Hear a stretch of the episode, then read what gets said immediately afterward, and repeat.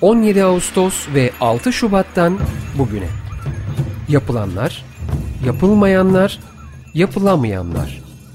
Kamu kesimi, sivil kesim, bilim insanları depremi tartışıyor. Hayatta kalmak için altın saatler. Hazırlayan ve sunanlar Nuray Aydınoğlu, Elvan Cantekin, Argun Yum, Muzaffer Tunça, Aziz Şasa, Nazan Cömert ve Gürhan Ertür.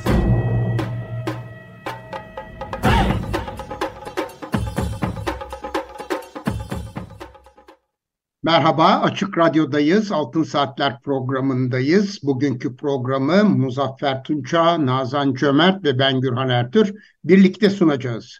Teknik Masada ise Berke Akmeşe sesimizi sizlere ulaştıracak. Telefon numaramız alan kodu 212 343 40 40. Elektronik posta adresimiz açıkradyo.com.tr Altın Saatler programlarının ses kayıtlarını Açık Radyo'nun internet adresinde podcast bölümünde dinleyebilirsiniz. Bugünkü programımızın destekçisi Haluk Arı'a çok teşekkür ediyoruz. Efendim bugün konuğumuz Emin Pehlivan Bey. Emin Bey merhabalar programımıza hoş geldiniz.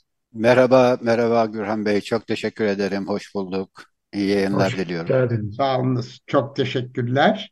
Evet, e, ülkemizdeki itfaiye çalışmalarına önemli yenilikler getirmiş olan itfaiye daire başkanı olarak çeşitli illerde e, çalışmış olan Sayın Emin Pehlivan ile bugün özellikle itfaiye teşkilatlarının risk yönetimi açısından genişleyen sorumluluk ve artan iş yüklerine ilişkin düzenlemeler ve sorunların genel bir değerlendirmesini konuşacağız. Aynı zamanda 6 Şubat depremleri sonrası neler olup bittiğine ilişkin görüşlerini, değerlendirmelerini almak isteyeceğiz. Emin Bey'i kısaca tanıtayım. Kocaeli Üniversitesi Kocaeli Meslek Yüksekokulu Makine Motor Bölümü ve Varna Ür Üniversitesi Yangın ve Acil Durum Güvenliği Mühendisliği bölümünden mezun oldu. İzmit Belediyesi İtfaiye Müdürlüğü, hemen arkasından Kocaeli Büyükşehir Belediyesi İtfaiye Daire Başkanlığı görevini yürüttükten sonra 2009-2014 yılları arasında Antalya Büyükşehir Belediyesi İtfaiye Daire Başkanı olarak görev yaptı. Ayrıca bu dönemde yine Antalya'da iki yıl kadar vekaleten Ulaşım Planlama ve Raylı Sistem Daire Başkanı olarak da görev ifa etti. 2010-2012 yıllarında kuruluş çalışmalarında yer aldığı Tüm İtfaiyeciler Birliği Derneği'nin genel başkanı olarak görev yaptı. 2014-2019 yıllarında Tekirdağ Büyükşehir Belediyesi İtfaiye Daire Başkanı, 2017'de Balkan Ülkeleri İtfaiye Sporları Federasyonu Genel Başkanı seçildi. 2019-2020 yılları arasında Tekirdağ'da Büyükşehir Belediyesi Genel Sekreter yardımcılığı yaptı ve 2020 yılında yaş haddinden emekliye ayrıldı. Evet, Emin Bey tekrar hoş geldiniz programımıza. Hoş bulduk. Çok teşekkür ederim. Çok güzel e, özetlediniz Gürhan Bey. Sağ olunuz efendim. Aslında e, size ilişkin daha vermem gereken çok bilgi var. Özellikle 99 depreminde e, gerçekleştirmiş olduğunuz daha başlangıçta önemli yenilikler olarak adlandırdığımız çalışmalarınıza da artık e, programın içinde yer vereceğiz. Ben hemen Nazan Cömert'e sözü devrediyorum. Evet, e, tekrar hoş geldiniz Emin Bey. Hoş E, bulduk. acil durum deyince e, ilk akla gelen e, temel aktör e, dünyanın her yerinde olduğu gibi Türkiye'de de itfaiye teşkilatı. E, baktığımız zaman da itfaiye hizmetlerine şöyle genel olarak yangın dışı hizmetleri de dahil ederek baktığımız zaman çok zaman içinde çok genişleyen bir e, görev ve sorumluluk alanını görüyoruz.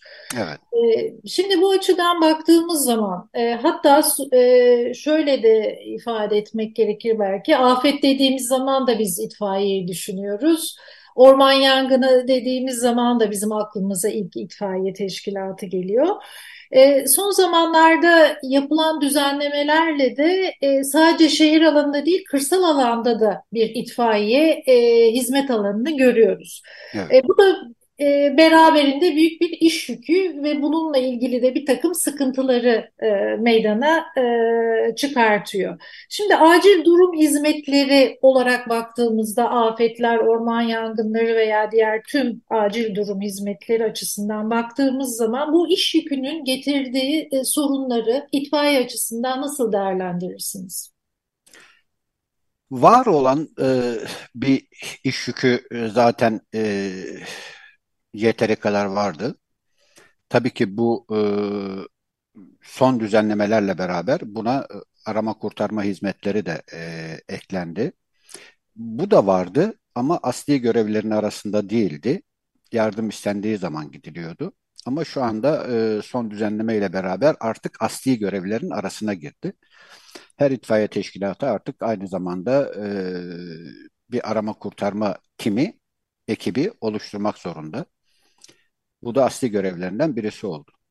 E, ben e, itfaiye teşkilatının görevlerini bundan 10 sene, 15 sene önce, belki 20 sene önce şöyle derler yani bana sorulduğu zaman şöyle özetlerdim. E, kamuda e, görevi görevlendirilmemiş herhangi bir iş görüyorsanız, kamunun herhangi bir kurumunun görev alanına girmeyen bir iş görüyorsanız, bu bilin ki itfaiyenin görevidir e, diye özetlerdim. Yani e, boşta kalan bütün işleri itfaiye yapar. Ha, bundan e, e itfaiye teşkilatlarının bir e, yüksünmesi var mı? Hayır, asla yok. E, seve seve yapıyorlar hepsi. E, bu sadece zaten Türkiye'yi kapsayan bir şey de değil. Yani e, dünyaya baktığınız zaman aynı şekilde. E, ama bu son düzenlemeyle beraber artık itfaiye teşkilatları e, diyebiliriz ki e, dünya ile yavaş yavaş entegre olmaya başladı. E, evvelden e, Türkiye'de kamuoyu e, itfaiyeci dediğiniz zaman e, kamuoyunda e, sadece işte bir yerde bir e, alevi görüldüğü zaman o aleve e, su sıkan bir e, meslek grubu olarak bakardı. Ama şu anda artık öyle değil. E, kamuoyu da artık bunu e, kavramaya başladı, e, öğrendi ve e, itfaiyenin e, nedenli riskli ve ne kadar geniş bir iş yükünün olduğunun bilincinde. E, ama e, itfaiyecilerin e, bu iş yükünü tam manasıyla e, kavrayabilmeleri veya işte bunu altından kalkabilmeleri için e, biraz daha e, düzenlemelere e, ihtiyaç var bana göre e, tabii ki. E, bir takım düzenlemelerin yapılması gerekiyor. E, burada tabii itfaiyecilerin özlük hakları da dahil bu düzenlemelere. E, ama diyebiliriz ki e, ben 2020'de bıraktım. E, o günden bugüne de değişen çok şey var. Ama e, son 99 deprem biraz önce Gürhan Bey de söz etti. 99 depremi biz itfaiyeciler arasında zaten bir milat olarak görülür. Türkiye İtfaiye Teşkilatları açısından.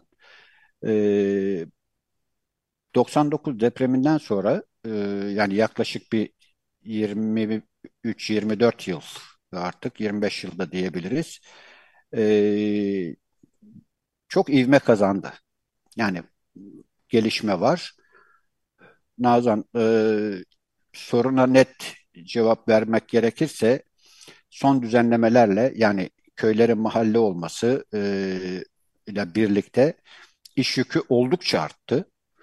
Buna paralel e, en büyük sıkıntısı şu anda Türkiye'deki itfaiye teşkilatlarının personel sıkıntısı.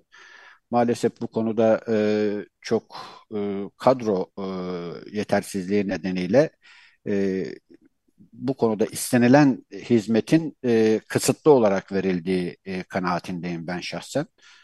E, bu konuda bir e, düzenlemenin acil olarak yapılması gerektiğine inanıyorum. Yani e, ama şu da bir gerçek ki hizmetin kalitesi artarak gidiyor.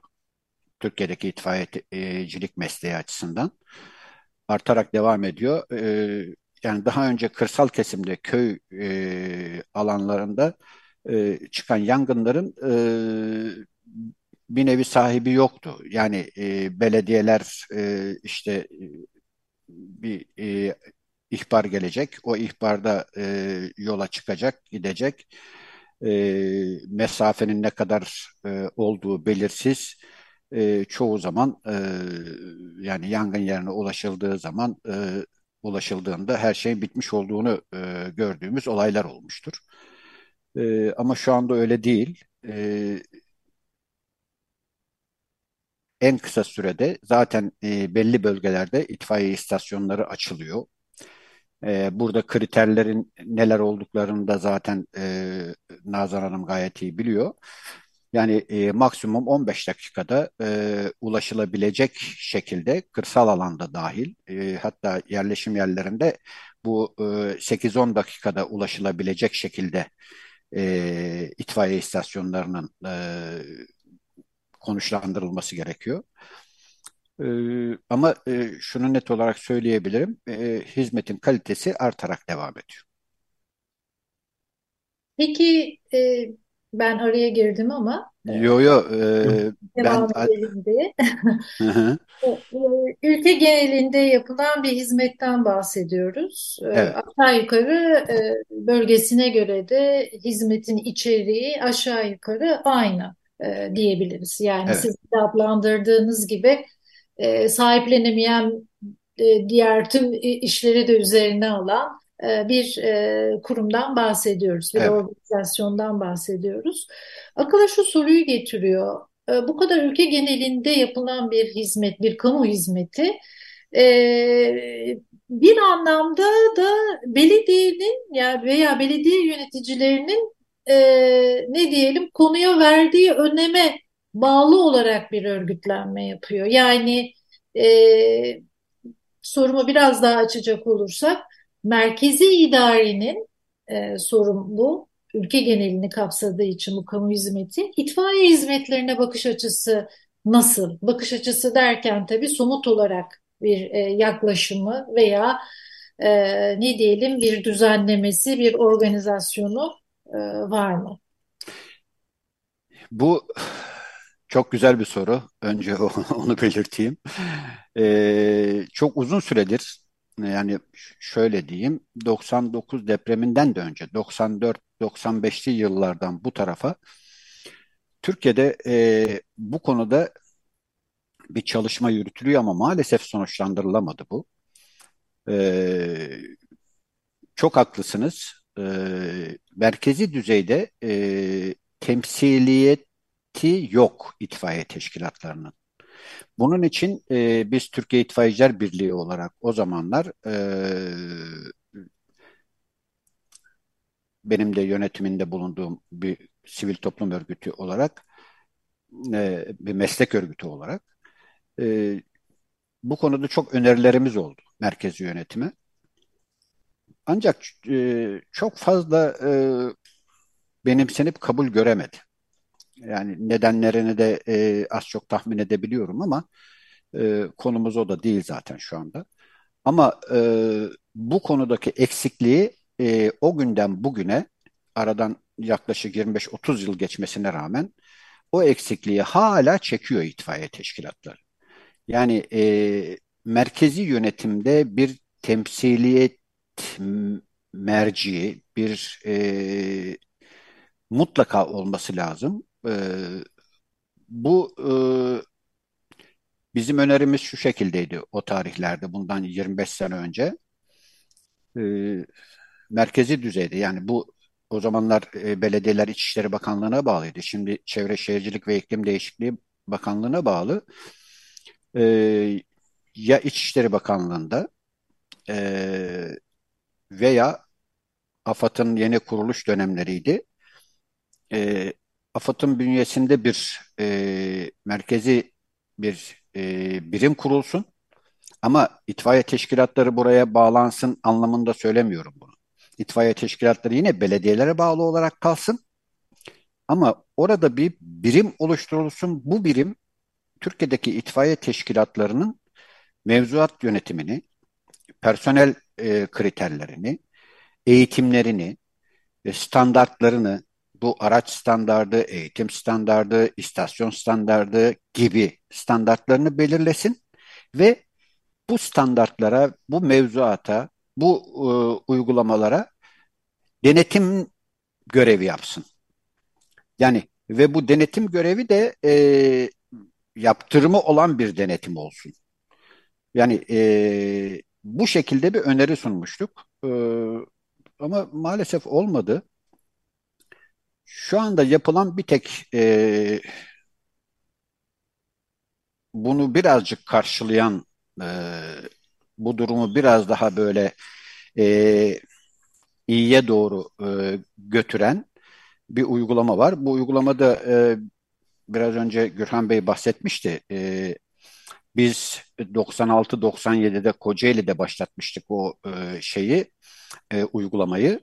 E, itfaiye, polis ve e, 112 acil sağlık birimlerinin aynı anda, aynı göreve aynı anda e, çıkışlar yaparak e, zaman kaybının önüne geçilmesi ve hizmet kalitesinin standardının artırılması yönünde bir çalışma yapmıştık. Çok başarılı bir çalışmaydı. E, o zaman 2000 yılında hatta depremden hemen sonra e, 112 istasyonlarının kurulması konusuna da öncülük etmiştir bu e, proje. E, Sağlık Bakanlığı bizim uygulamamızı e, bir e, takibe aldı ve e, çok e, beğenildiği için de e, bunu yaygınlaştırma e, için gerekli çalışmaları başlattılar o dönemde. Şu anda e, oradan e, yola çıkarak zaten biliyorsunuz şu anda Türkiye'de e, 112 acil çağrı tek numara uygulamasına geçildi. Tüm illerde evet. geçildi. E, bu Sizin 112... de önerinizdi bu 99 Evet, e, zaten zaten e, işte bizim yaptığımız uygulama buydu Gürhan Bey. Evet. E, ben Antalya'ya, Kocaeli'den Antalya'ya gittiğim zaman e, Antalya'da e, bu bir Avrupa Birliği projesi olarak başladı. Ben bu projeyi aslında Kocaeli'deyken Kocaeli'ye almayı çok istemiştim.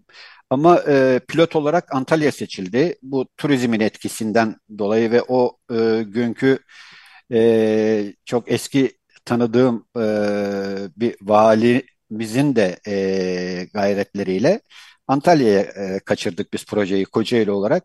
Ama ben projeyi bırakmadım projenin peşinden ben Antalya'ya gittim. Orada yakalamış oldum yine projeyi. Ee, her şey yapılmıştı. Ee, binası da yapılmış, e, bütün içinin teçhizatı donatılmış. Her şey hazır. Sadece gidip işte oradaki kurumlar orada oturup görevlerine başlayacaklar. Ama bu başarılamamış bir türlü nedense. Ee, biraz kurumsal e, taassupluktan kaynaklanan bir e, çekinceler yaşanmış tahmin ediyorum. O zaman ki e, Sayın Valimizle ben bir görüşme yaptım itfaiye daire başkanı olarak. E, yani son teknoloji bir e, yani Avrupa'da imrenerek baktığım bir e, acil çağrı merkezinin e, Antalya'da var olduğunu ama e, kullanılmadığını gördüm işin açıkçası. Sayın Vali'ye bir öneriyle gittim e, ve memnuniyetle karşıladı Sayın Vali. Emin Bey dedi sayenizde belki biz bu e, projeyi canlandıracağız dedi. Ve ben e, o gün itfaiyenin e, acil çağrı merkezini 112 acil çağrı merkezine taşıdım. Yani e, Sayın Valimizin de şeyiyle e, onayıyla e, ve orada başlatmış olduk. Şimdi o proje itfaiye teşkilatlarını şu anda o 112 acil çağrı merkezlerinde itfaiye teşkilatları var. Polis var, e, jandarma var, e, 112 acil çağrı merkezi var, orman işletmesi var, AFAD var. Yani bütün e, biraz önce Nazan Hanım'ın söylemiş olduğu e, acil durum e, yönetiminde olması gereken kurumların tamamı o 112 acil çağrı merkezinde görevli temsilcileri var. Dolayısıyla e, kamu artık orada bir arada. Sayın Valinin e, ildeki e, il valisinin yönetiminin altında bir kurum burası. Dolayısıyla e, itfaiye teşkilatları da bir nevi merkezi yönetimle entegre edilmiş durumda. Benim için e, bu 112 acil çağrı merkezlerinin e, en önemli e, fonksiyonu da bu. Evet. Yani tek elden yönetiliyor şu anda e, acil e, durum kurumları, e, acil durumda görevli olan kurumlar. E, bu da e, Avrupa'da Avrupa ile hemen hemen aynı durumdayız şu anda. E, zaten e, Avrupa 112 Acil Çağrı Merkezleri Derneği diye bir dernek de kuruldu ondan sonra. O derneğin de Türkiye olarak üyesiyiz aynı zamanda. E, ve e, çok yol kat edildi. Gürhan Bey gerçekten bu konuda e, inkar etmemek lazım. E, bu 112 acil çağrı merkezleri en azından e, koordinasyon açısından bu e, kurumların koordinasyonu açısından yani bir olay e, düşünün evvelden işte itfaiyeye gidiyor e, ambulansa ihtiyacı var ambulans istiyor ambulansın oraya ne zaman geleceği meçhul veya işte polis veya jandarmaya ihtiyaç duyuluyor olay yerinde. Güvenlik ihtiyacı. Güvenlik ihtiyacı var. Ee, e, yardım isteniyor. Tabii bir gecikme söz konusu olabiliyor. Ama e, şu anda artık bunların tamamı ortadan kalkmış durumda. E, herkes de işini e, biliyor. Olay yerindeki bir tek sıkıntı biraz şeyde var. E, bunu Nazan Hanım da daha önceki projelerimizde çalıştık biliyoruz. E, olay yeri organizasyonunda bir takım sıkıntılar çekilebiliyor bazen. E, bu her zaman değil. E, bir de o konuda olay yerinin organizasyonu ile ilgili de aslında bir yönetmeliği var 112 acil çağrı merkezlerinin. Ama e, yönetmeliğin e, ilden ile e, uygulamasında e, değişiklikler gö görülebiliyor. Bu konuda biraz daha e, dikkatli ol olunursa zannediyorum e, çok daha iyi olacak. Peki evet, Muzaffer'in bir sorusu var. Buyurun. Eşgüdümü kim sağlıyor bu ortamda? Yani o bina tekil ama kim bu iş bölümünü yapıyor? Kim sorumlu? Tamamen valilik yapıyor. Yani valilikten bir vali yardımcısı mı? Bir vali yardımcısı 112 acil çağrı merkezinin yöneticisi zaten.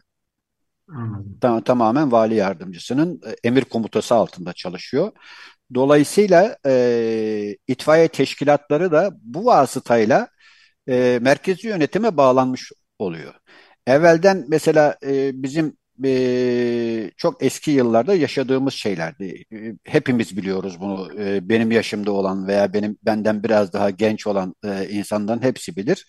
İtfaiye teşkilatlarının yaşadığı en büyük sorunlardan bir tanesi. Olay yerine giderseniz işte orada bir e, vatandaş çıkar, e, bir saattir sizi bekliyoruz, işte yarım saattir sizi bekliyoruz. Neredesiniz? Nerede bu millet? Nerede bu devlet? Vesaire gibi bir takım olaylar hemen hemen her olayda yaşanırdı. Ama şimdi her şey kayıt altında 112'de. Yani itfaiyeye ne zaman ihbar verilmiş, ihbardan sonra ne kadar sürede itfaiye teşkilatı olaya çıkış yapmış, kaç dakikada olay yerine varmış, bunlar hep e, GPS ortamında kayıtlı e, hiçbir şekilde ve itfaiye teşkilatları artık bu konudaki muzdaripliğinin de önüne geçmiş oldu. Yani e, tamamen yok oldu. Ben bunları Antalya'dan pilot olarak yaptığımız yıllardan biliyorum zaten. Ama şu anda tabii Türkiye'nin geneline de yayıldığı için bu uygulama. Tüm illerde var değil mi? Tüm illerde. Şu anda tüm illerde var. Evet. 81 ilde. Biz ilk e, 2010 yılında başlamıştık biz pilot uygulamasına ee, pardon 2009 2009'da 2009'un Ağustos ayı olması lazım. Evet, iyileştirilmesi gereken e, hususlardan birinin olay yeri organizasyonu evet. olduğunu belirttiniz. Olay, olay, olay yerindeki organizasyonda bazen şimdi normal şartlarda e, Avrupa'daki örneklerine baktığımız zaman olay yerinde eğer e, bu olay bir e, yangın olayıysa olay yerinin komutası itfaiyenin oradaki en yüksek rütbeli e, görevlisindedir. Görevlisinde. Bizdeki evet. yönetmelikte de böyle mi? 112 yönetmeliği. Bizdeki yönetmelikte de böyledir. Evet. E, veya işte bir sağlık olayıysa, acil yardım olayıysa bir trafik kazası oldu. Trafik kazası mesela. Evet. evet. Bir, bir trafik kazasında e, yine eğer bir sıkışma söz konusuysa e, bir vatandaş aracın içinde sıkışmışsa bunu oradan çıkartacak olan itfaiye teşkilatıdır. İlk etapta itfaiye teşkilatındadır yine olay yeri komutası. Ondan sonra çıkartılıp sedyeye konduktan sonra artık e, 112 acilin sorumluluğundadır. Sorumluluğunda. Evet. Orada e, işte biz de e, istenmeyen olaylar genelde e, güvenlik güçleriyle yani kollukla e, itfaiyenin veya 112'nin hmm, arasında bir e, sürtüşme olarak çıkar genelde. Ee, tahmin edilebilir bir şey bu. Evet. Tahmin edilebilir bir şey. Evet. evet. Onun için zaten çok fazla e, şey yapamıyorum. E, bu konuyu ya sıkışma daha... sıkıştığı zaman emniyet diyor ki ben çıkaracağım. Evet. Ya, bunu daha daha net bir şekilde e, izah etmem için e, bir anımı paylaşayım sizle. Lütfen. Eğer vaktimiz varsa tabii. Tabii yani. ki. Tabii ki.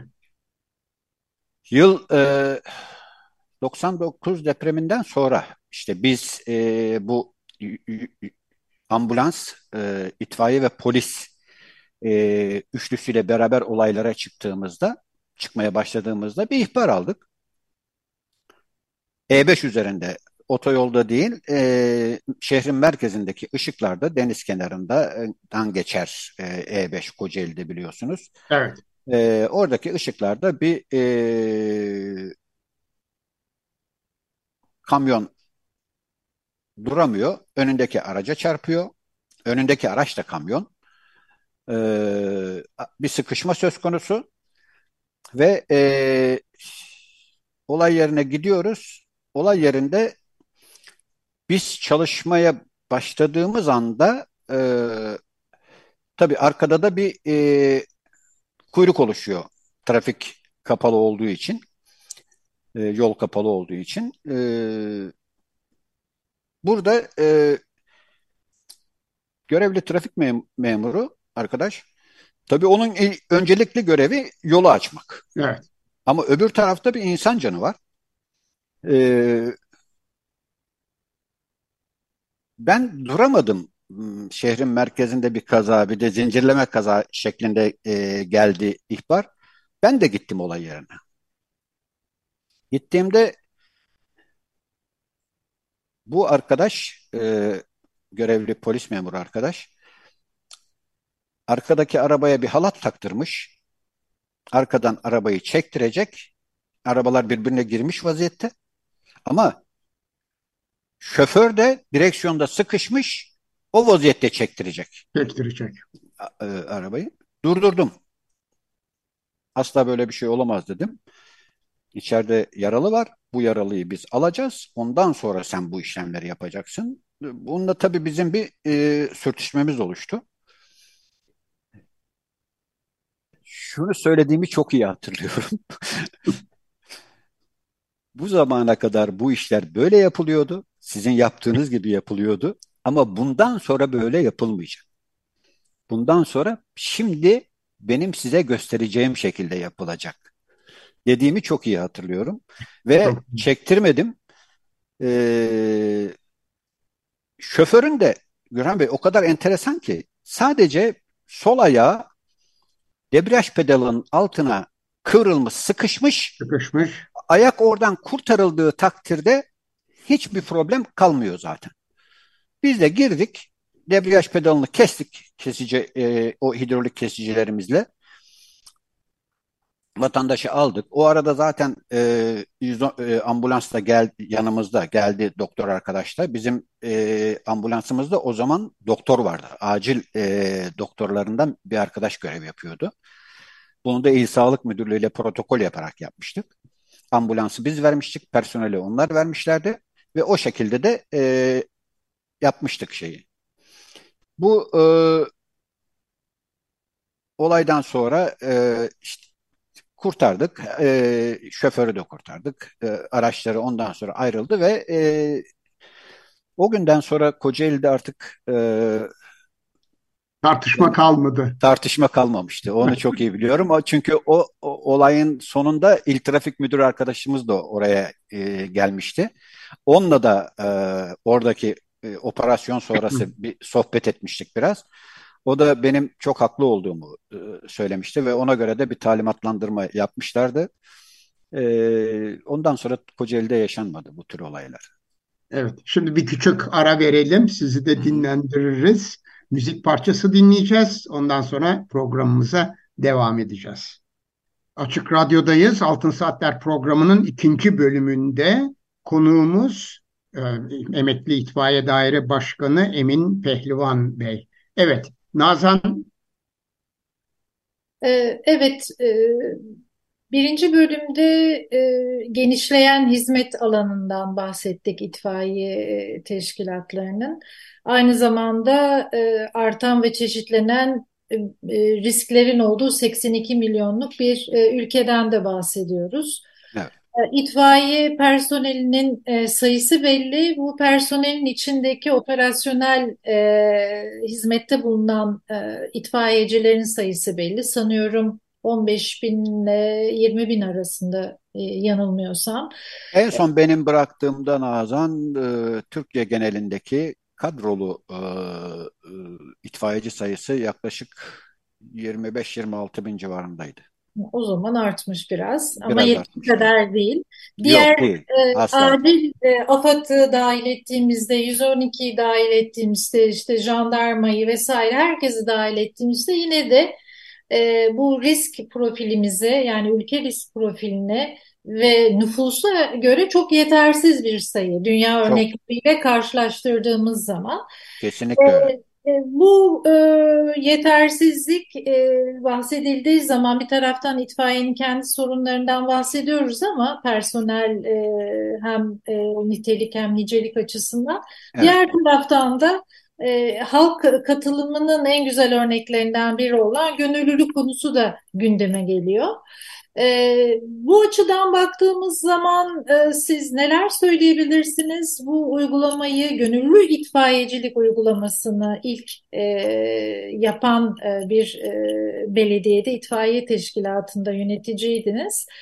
E, ve e, gönüllülük ve gönüllü itfaiyeci ayrımını nasıl yapabiliriz? Yani itfaiyeciye has bir gönüllülük mü var? E, yoksa genel anlamda acil durum gönüllülüğünden biz neyi anlamalıyız? Türkiye'de bununla ilgili sorunlar neler? Siz neler söyleyebilirsiniz?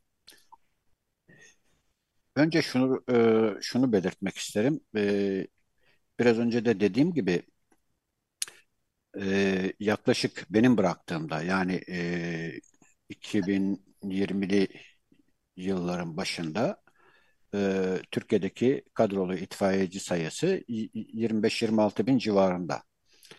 E, ama e, biraz önce bir şey Nazan'ın e, tahmin ediyorsun söyleyeceğim şeyi. AFAD'ın operasyonel ekibine baktığımız zaman Türkiye'de e, yaklaşık bin civarında operasyonel ekibi var AFAD. Yani e, Türkiye gerçekten genelinde değil mi? Tür- Türkiye Türkiye genelinde. genelinde operasyonel olarak söylüyorum. Bunu e, ofislerde çalışan, genel merkezde çalışan e, personelleri kastetmiyorum. Onlarla beraber de olsa olsa herhalde 2000-2500 civarındadır. E, zaten e, biraz problem burada doğuyor. Bizim ilk etapta yani İçişleri Bakanlığı'nda merkezi bir e, birim oluşturulsun veya AFAD'ın bünyesinde böyle bir birim oluşturulsun derken biz AFAD'ın operasyonel ekibinin itfaiye teşkilatları olması yönünde bu öneride bulunmuştuk. Yani şu anda baktığınız zaman iki başlı, üç başlı, e, dört başlı, beş başlı e, bir şeyden bahsediyoruz. E, Yapıdan. acil yapıdan bahsediyoruz.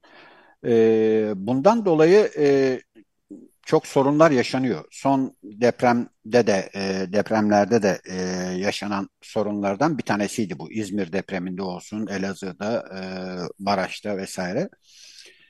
hemen hemen tüm e, olaylarda bu e, sıkıntılar yaşanıyor.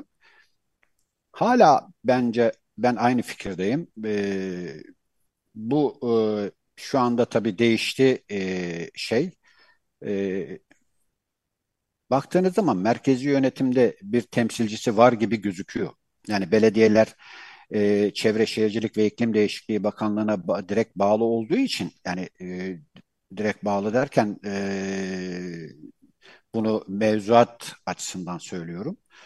E, burada bir şube müdürlüğü bünyesinde hatta bu da sadece itfaiye değil itfaiye ve zabıta şube müdürlüğü bünyesinde e, bir birim olarak oluşturulmuş asla yeterli bir şey değil.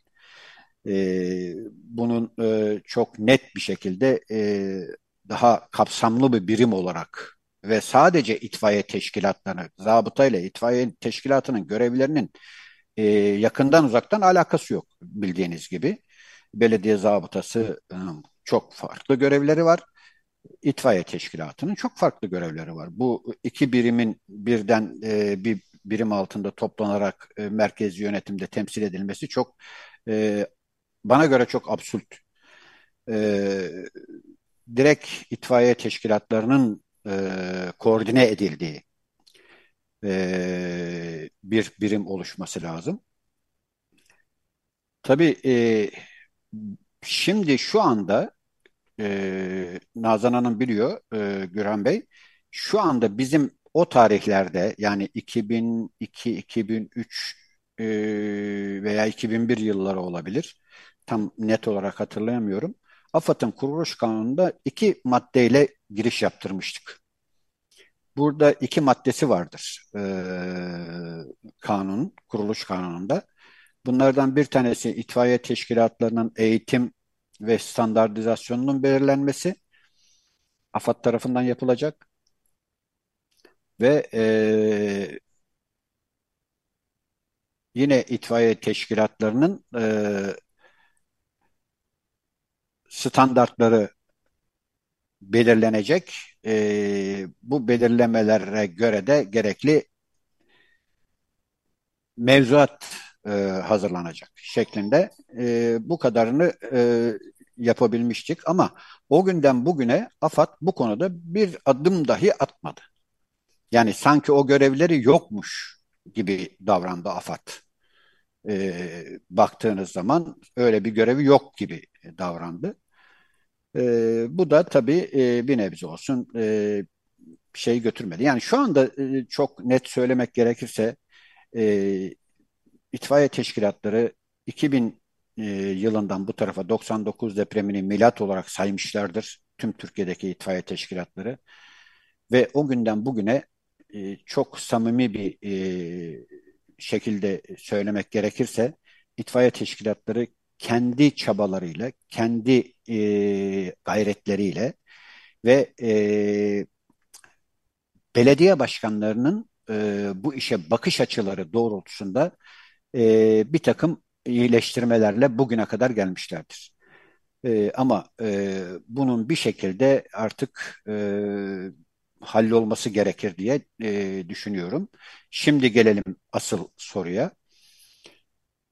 Doğru. Gönüllülük ben Kocaeli'de gönüllülüğü şöyle e, yani depremden önce de başlatmıştım. Böyle bir projeyle yola çıkmıştım. E, ama e, gönüllü bulmakta çok zorlandım o tarihlerde. Ancak işte üniversite, Kocaeli Üniversitesi'nin öğrencileri arasında e, hatta o dönemde e, bir ikinci görevim daha vardı. E, ilk e, Kocaeli'de e, itfaiyecilik meslek yüksekokulu'nu açmıştık. 96'da açmıştık. E, o okulun öğrencilerinin bir nevi staj ları olsun anlamında bir gönüllü itfaiyecilik projesi başlatmıştım ve onları ilk e, gönüllü itfaiyeci olarak yaparak başlamıştım bu işe. E, belediye meclisinden bir karar e, çıkartmıştım. Mevzuatına Türkiye'de o güne kadar bu konuyla ilgili en ufak bir mevzuat yok. Kendi yarattığımız bir mevzuatla başladık yani biz bu işe.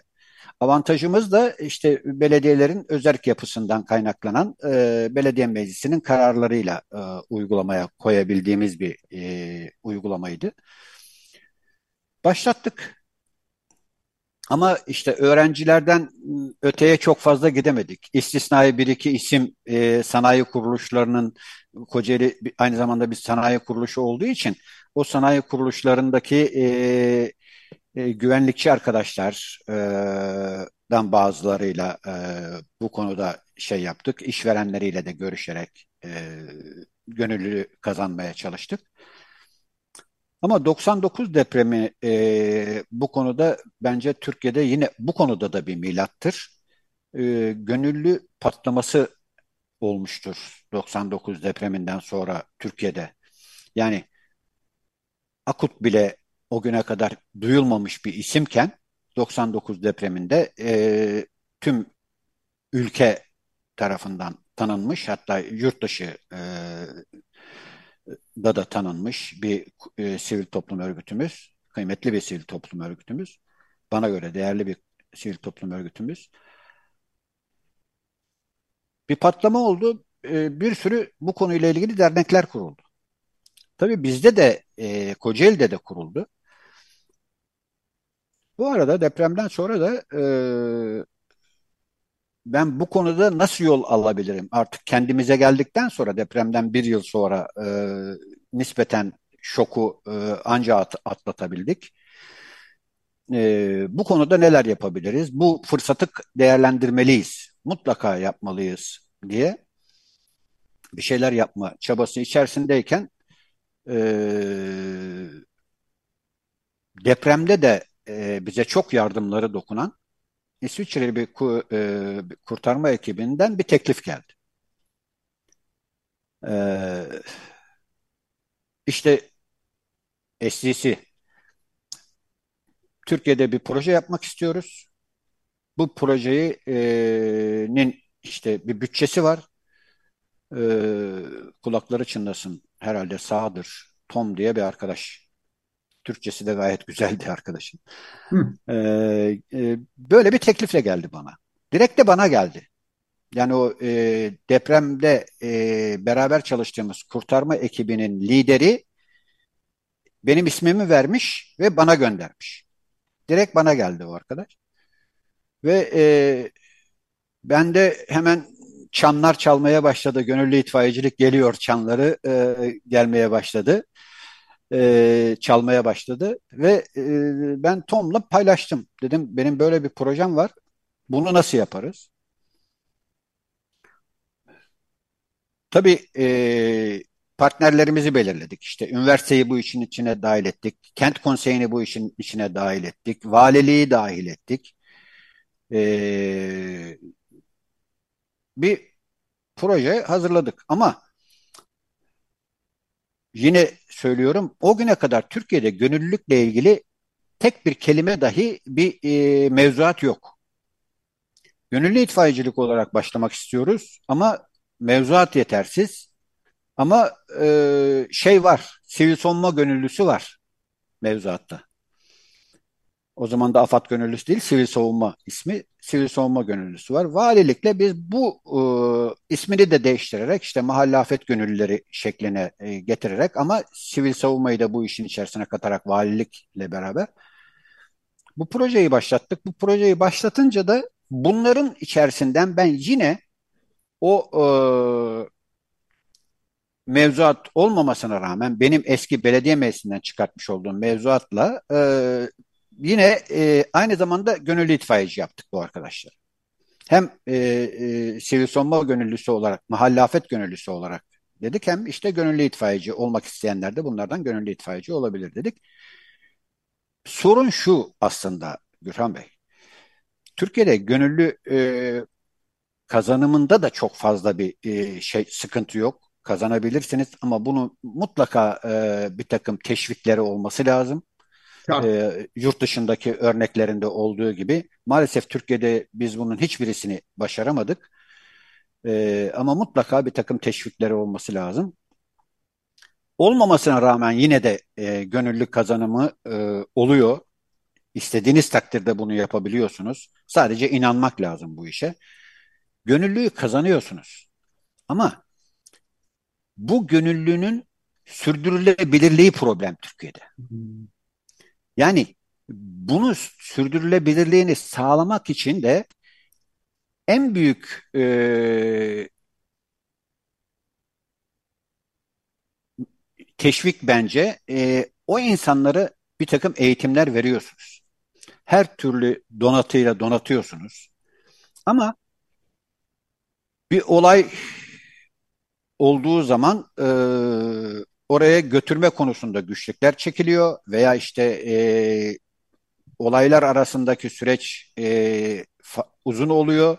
Bundan dolayı sürdürülebilirliği çok fazla şey olmuyor. Ama bunu gönüllü itfaiyeciliğe getirip koyduğunuz zaman bu konuda sıkıntı çekmiyorsunuz.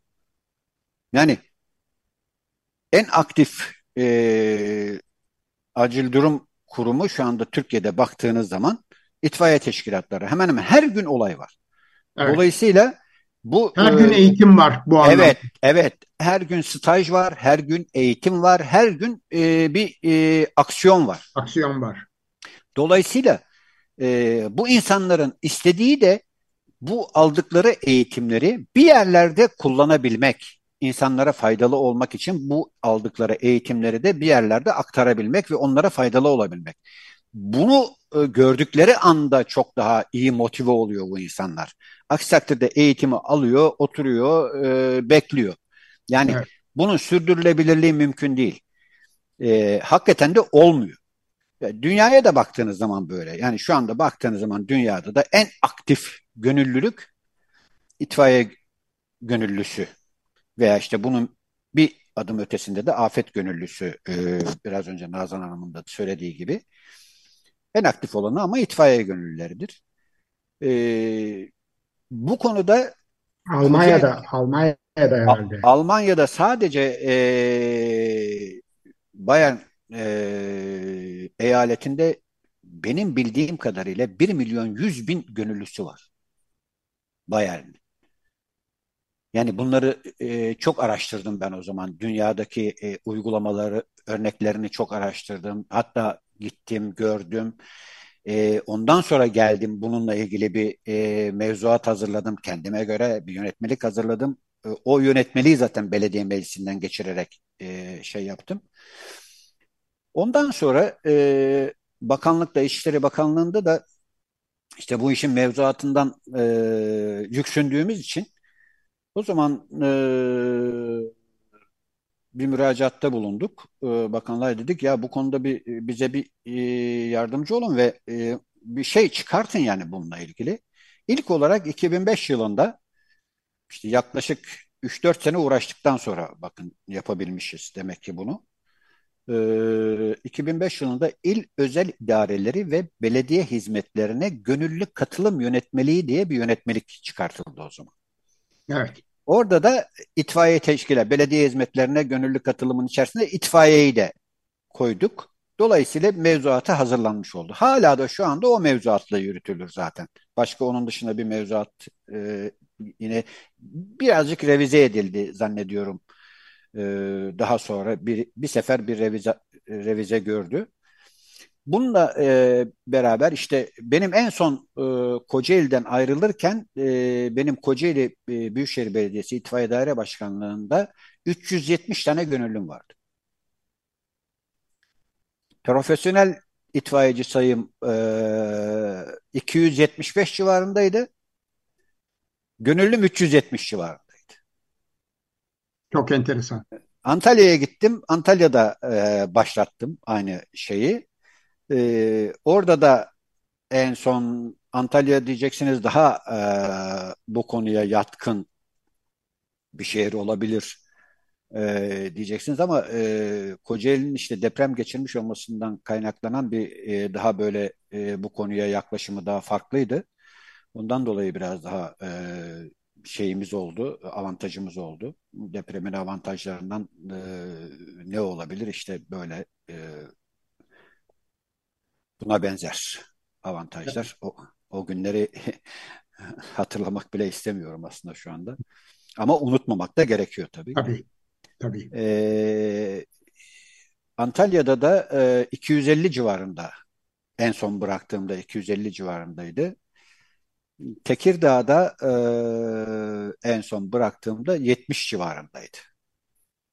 E, yani aslında itfaiye teşkilatlarının e, asıl biraz önce Nazan'ın e, söylediği konu yani kırsal kesimdeki e, Avrupa'daki örnekleri de böyledir. Şehrin merkezlerinde e, yani büyük yerleşim alanlarında gönüllü itfaiyecilik çok e, azdır.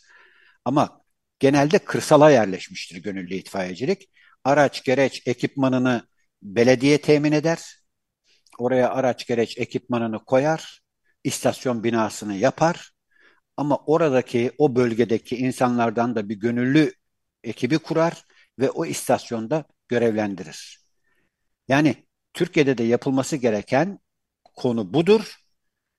Uygulamaları yeni yeni uygulamalar, örnek uygulamalar var Türkiye'de de. Ben mesela Antalya'da da yaptım, Kocaeli'de de yaptım, e, Tekirdağ'da da yaptım. İstanbul bunu yaptı, İzmir yaptı, Adana yaptı. Bildiklerimi, hatırlayabildiklerimi söylüyorum sadece. Ama bunun mutlaka ve mutlaka yaygınlaştırılması lazım. Ve gönüllüyü e, benim bu konudaki en büyük e, yani en önemli e, tavsiyem gönüllüleri el üstünde tutup hiçbir şekilde kırmadan ve üzmeden e, onlarla birlikte çalışmak lazım. Evet. Son birkaç dakika. Özel, özel sektörün katkısı ne oluyor bu anlamda? Şu anda özel büyük sektör... fabrikaların, büyük gönüllü anlamında. Yani büyük fabrikaların, çünkü biliyor mesela Petkim'in falan kendi ekipleri de var. Evet var ama e, şu anda gönüllülük konusunda bir katkıları yok üstadım. Yani e, onlardan bazı şimdi biliyorsunuz iş güvenliği e, konusu vardı. Bizim o zamanlar tabii iş güvenliği yasası henüz çıkmamıştı. Şu anda iş güvenliği yasasından dolayı e, zaten tesislerde bu konuyla ilgili bir takım ekipler kurulması gerekiyor. Zorunlu bu. Bu ekiplerin içerisinde bu işe gönül vermiş insanları kazanmak bence biraz daha kolay oluyor. Benim tecrübelerimden e, biliyorum bunu. Yani bu tür mesela ben Tekirdağ'da, e, Trakya'da biliyorsunuz e, Tekirdağ'da e, bir sanayi kenti aynı zamanda. Burada da aynı şekilde e, çalışmalarımız oldu. Antalya'da turizm sektöründe vardı. Otellerdeki e, çalışanlardan gönüllü katılımımız oluyordu. E, kırsalda e, yaratmıştık o e, motivasyonu. E, ama e, sanayi kuruluşlarının bizzat kendileri tarafından e, çok fazla bir destek aldığımız söylenemez yani.